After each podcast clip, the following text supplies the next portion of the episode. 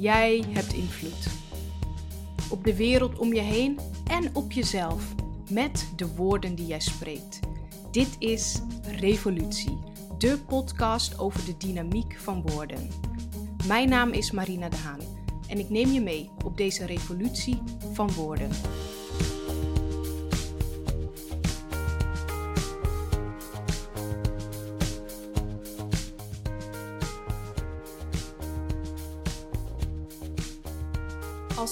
Lord of the Rings zeg, waar moet jij dan aan denken? Ik denk bij Lord of the Rings heel snel aan de eerste film, The Fellowship of the Ring. En dan heb ik een bepaalde scène in mijn gedachten. En misschien ken je die scène nog. Het is die scène, het moment dat Gandalf the Grey tegen dat verschrikkelijke, duistere vuurmonster vecht. En hij geeft alles om Frodo, die de ring bij zich draagt, te beschermen. En in die donkerte op die bergtop, het is zo donker dat je bijna niet ziet wat er allemaal gaande is, zegt hij deze krachtige woorden tegen dat monster. Hij zegt: You shall not pass.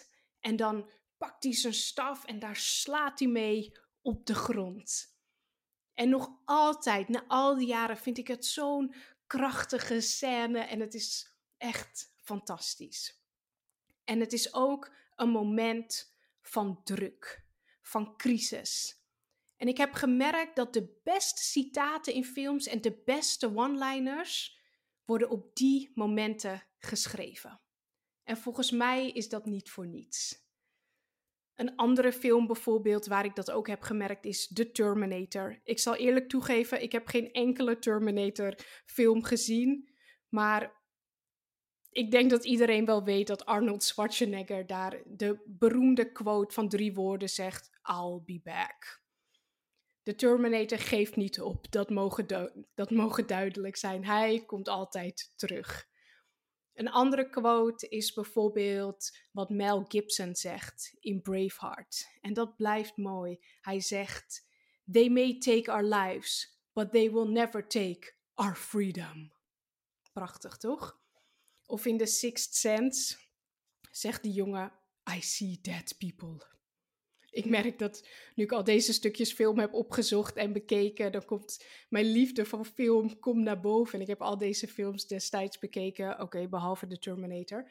Maar ik weet nog dat The Sixth Sense, jemig, wat moest ik... Uh, nou, ik moest niet huilen, maar ik vond het wel heel erg eng.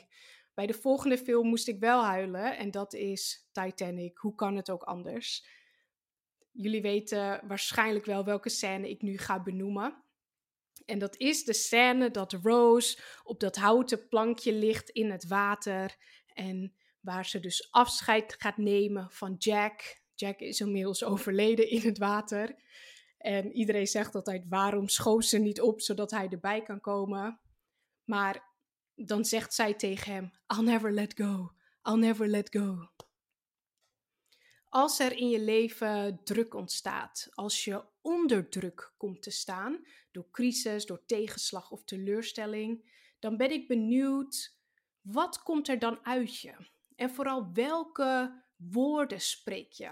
En dat is waar ik met jou in deze aflevering over wil nadenken. Juist op die momenten, op die momenten dat je onder druk staat, zeggen mensen vaak hun meest bekende woorden. En dan refereer ik nu niet meer aan film, maar dan refereer ik nu aan real life. Denk aan Dr. Martin Luther King bijvoorbeeld. Ik haalde zijn speech in de tweede podcast Revolutie van Liefde al aan. Die kan je terugluisteren trouwens. In een tijd waarin de Verenigde Staten flink verdeeld was, sprak Dr. King zijn beroemde I Have a Dream speech. En iedereen herinnert die woorden nog. Zelfs als je nog niet leefde in die tijd, dan ken je die woorden. En Nelson Mandela was bijvoorbeeld de eerste zwarte president van Zuid-Afrika. Hij staat bekend om zijn beroemde uitspraken. En wat ik zo mooi aan hem vind, is dat hij altijd boodschappen deelde van verandering, van vrede, van vrijheid, van harmonie. En het was april 1964 op het Rivonia-proces, waar hij wegens verraad werd veroordeeld tot een gevangenschap van 27 jaar. En hij zei daar deze quote: Onder druk, in een tijd van crisis, zei hij: Ik heb gevochten tegen witte overheersing. Ik heb gevochten tegen zwarte overheersing. Ik heb het ideaal gekoesterd van een democratische en vrije samenleving, waarin alle mensen in harmonie en gelijke kansen samenleven. Het is een ideaal waarvoor ik hoop te mogen leven en werkelijkheid mag zien worden. Maar als het nodig is, dan is het een ideaal waarvoor ik bereid ben om te sterven. Op het moment dat Mandela onder druk komt te staan, dan spreekt hij deze krachtige woorden. En hij gaat zo ver dat hij zegt: I am prepared to die. Wat zeggen wij als wij onder druk komen te staan?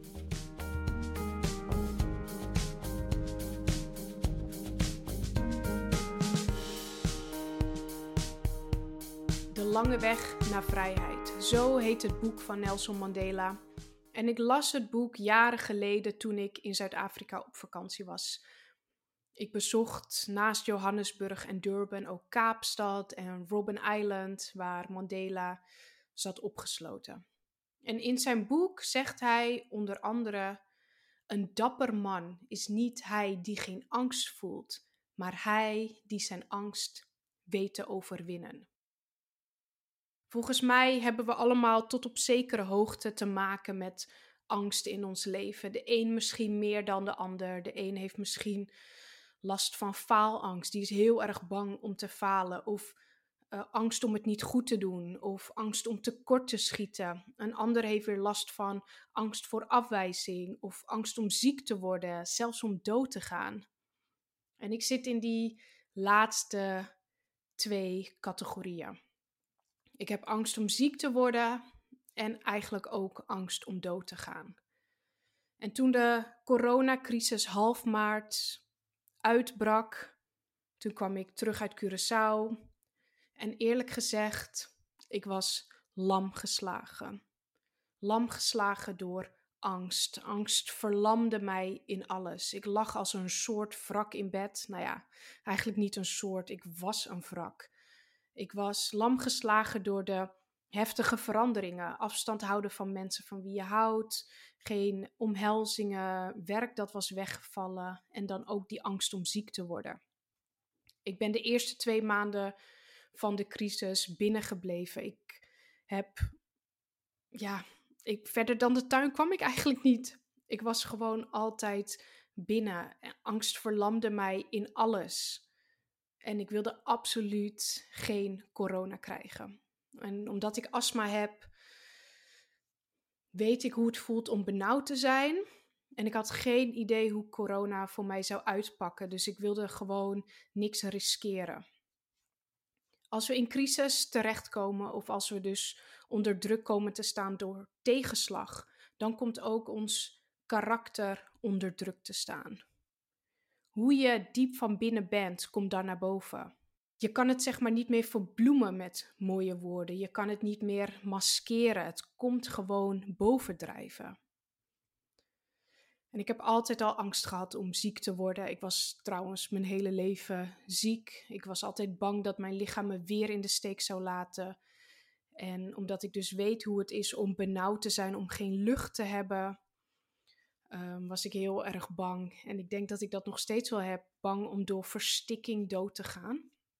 En die verhalen over corona, die deden me geen goed. Aan het begin volgde ik echt heel veel nieuws. Als journalist wil je natuurlijk goed op de hoogte zijn. Maar ik merkte ook dat het te veel werd voor mij. Dus ik heb besloten om niet meer al het nieuws te kijken. Want ik zag bijvoorbeeld mensen in Italië doodsbenauwd op de intensive care liggen aan de beademing. En dat maakte mijn angst alleen nog maar erger. Daardoor durfde ik niet naar buiten, durfde ik niemand te zien. Ik was heel erg bang om vreselijk ziek te worden. Maar net zoals je minder mooie kanten naar boven komen, zo komen onder druk, in crisis, ook je mooie karaktereigenschappen naar boven. Dus je ziet hoe mooi iemand diep van binnen is. En ik wil de angst niet het laatste woord geven, absoluut niet zelfs. Dus ik besloot om op te staan. Niet letterlijk, want ik was benauwd door een flinke astma-aanval destijds, maar in mijn denken stond ik op. In mijn denken begon ik woorden van hoop te spreken. En ik moet zeggen, het veranderde mijn houding. En langzaamaan verdween die angst. En in ruil voor angst kwam een vreugde terug. Die vreugde had ik al die tijd gemist, doordat angst mij verlamde. Maar angst heeft niet het laatste woord. Dus die vreugde keerde terug. En ik ben even benieuwd, hoe reageer jij in crisis? Schiet je misschien in de stress? Of ben je van jezelf optimistisch ingesteld? Zijn je woorden negatief of zijn ze positief? Wat zeg je eigenlijk? Je woorden komen voort uit je denken. En als we die woorden uitspreken, dan hebben ze weer invloed op ons eigen denken. En dat is precies de reden waarom woorden zoveel kracht hebben. En ik noemde Dr. King's speech al eventjes, I have a dream. Als je terugdenkt aan die woorden die hij toen sprak, dan voel je die kracht nog steeds. Zulke woorden laten een blijvende indruk achter. Ze zijn indrukwekkend.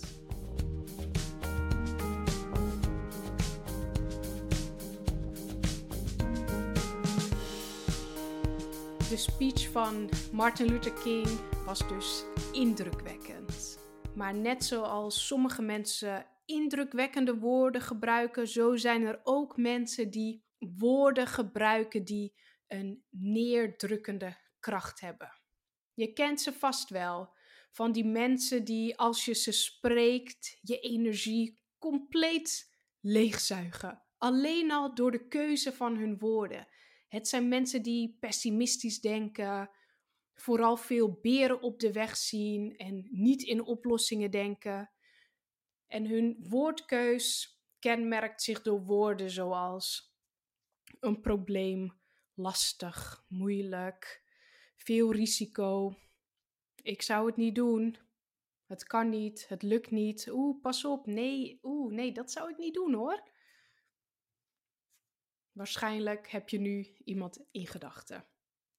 Maar ik ben van het tegenovergestelde. Ik geloof er namelijk heilig in dat als je positief denkt, je woorden ook positief zijn. En daarmee heb jij een positieve impact op je eigen leven. En ik moet denken aan een mevrouw die ik vorige week heb geïnterviewd. Zij is geboren in Marokko en als 16-jarig meisje naar Nederland gekomen. Dat is inmiddels 32 jaar geleden. Maar pas vorige week, op het moment dat ik haar sprak, heeft ze haar Nederlandse paspoort gekregen. Al die jaar heeft ze gestreden, eerst voor een verblijfsvergunning en later voor een paspoort. En dat was geen eenvoudige route. Het was ronduit zwaar. Ze heeft heel veel meegemaakt. En ik vroeg aan haar: waar haal je toch die kracht vandaan om door te zetten, om niet op te geven? En ze zei dat een vriendin van haar haar altijd bemoedigde. Die vriendin zei: Als je zegt dat het niet lukt, dan lukt het ook niet. En als je zegt dat je het niet kan, dan kan je het ook niet. Dus is zij gaan uitspreken dat ze haar paspoort zou krijgen. Ik krijg het, ik krijg het, ik krijg het. Constant herhaalde ze deze woorden. Zelfs op momenten dat het er niet rooskleurig uitzag, dat het er niet op leek dat het zou lukken, bleef ze die woorden uitspreken. En ik stond naast haar op het moment dat de Bali-medewerker het Nederlandse paspoort aan haar overhandigde. En op het moment dat zij haar paspoort in haar handen kreeg, zei ze de woorden: Ik krijg het. En nu zei ze het niet meer in de hoop dat ze het zou krijgen in de toekomst. Nu had ze haar Nederlandse paspoort eindelijk in haar handen. En haar mindset, haar manier van denken, was dus gefocust in de toekomst op een goed resultaat.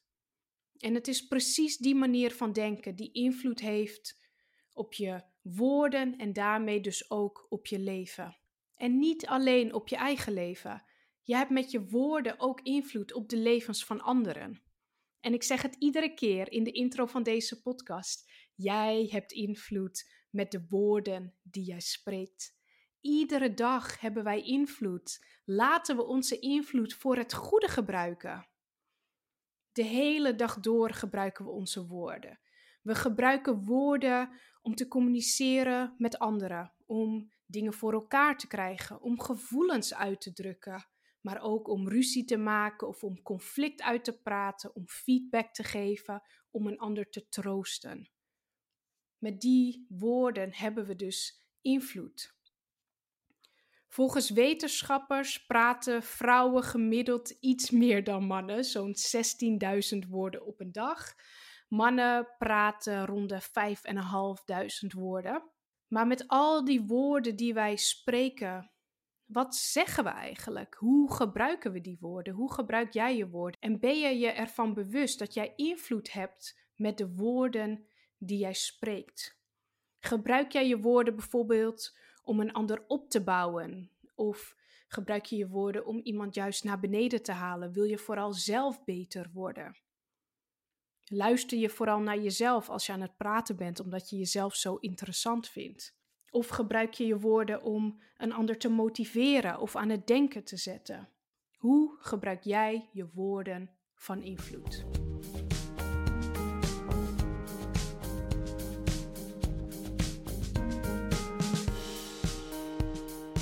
De bovendruk en de onderdruk.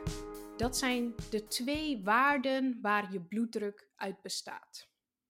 Je hart pompt het bloed met flinke kracht naar het lichaam. Dat zorgt voor druk op de bloedvaten. En dat is de bloeddruk. Ik heb even de informatie van de Hartstichting erbij gepakt. Want al vind ik de medische wereld echt super interessant. Ik heb geen medische achtergrond, maar gelukkig legt de Hartstichting alles haar fijn uit. De druk in je bloedvaten wordt dus gemeten. De bovendruk is de hoogste waarde die de bloeddrukmeter aangeeft. Dit is de druk in de vaten als het hart samentrekt.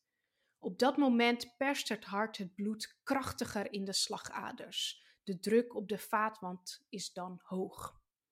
Je onderdruk is het tegenovergestelde. Dat is de laagste waarde die gemeten wordt. Het is de druk in de vaten als het hart zich ontspant.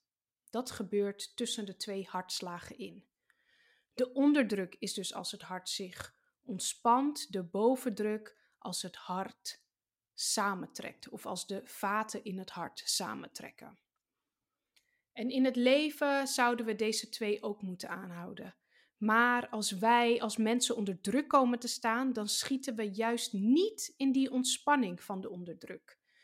We zijn namelijk, als we onder druk komen te staan, zijn we juist alert op ongemak, op strijd, op pijn. We schieten misschien door in de overdrive, krijgen stress. Misschien raken we zelfs overspannen, burn-out of depressief.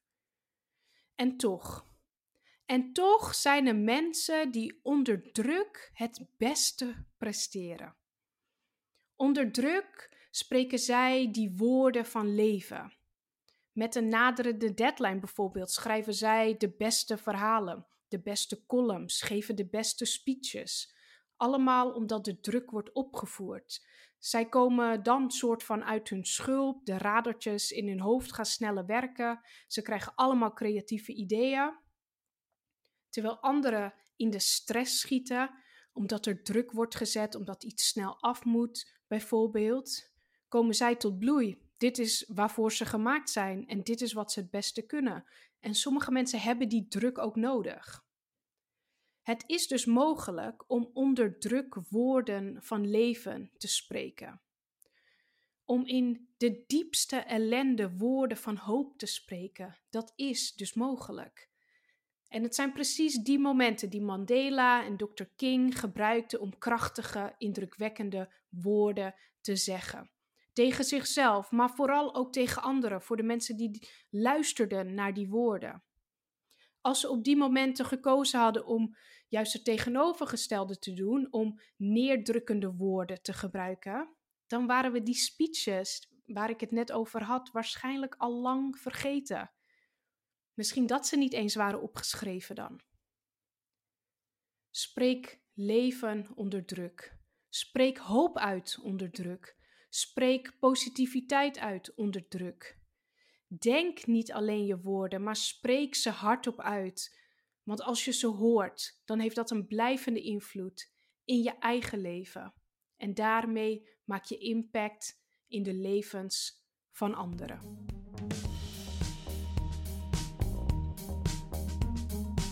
Dit was Revolutie, powered by Zoete Liefde. Leuk dat je luisterde. Blijf op de hoogte door Zoete Liefde te volgen op sociale media. En wil je meer weten over storytelling of workshops? Ga dan naar onze website zoeteliefde.com.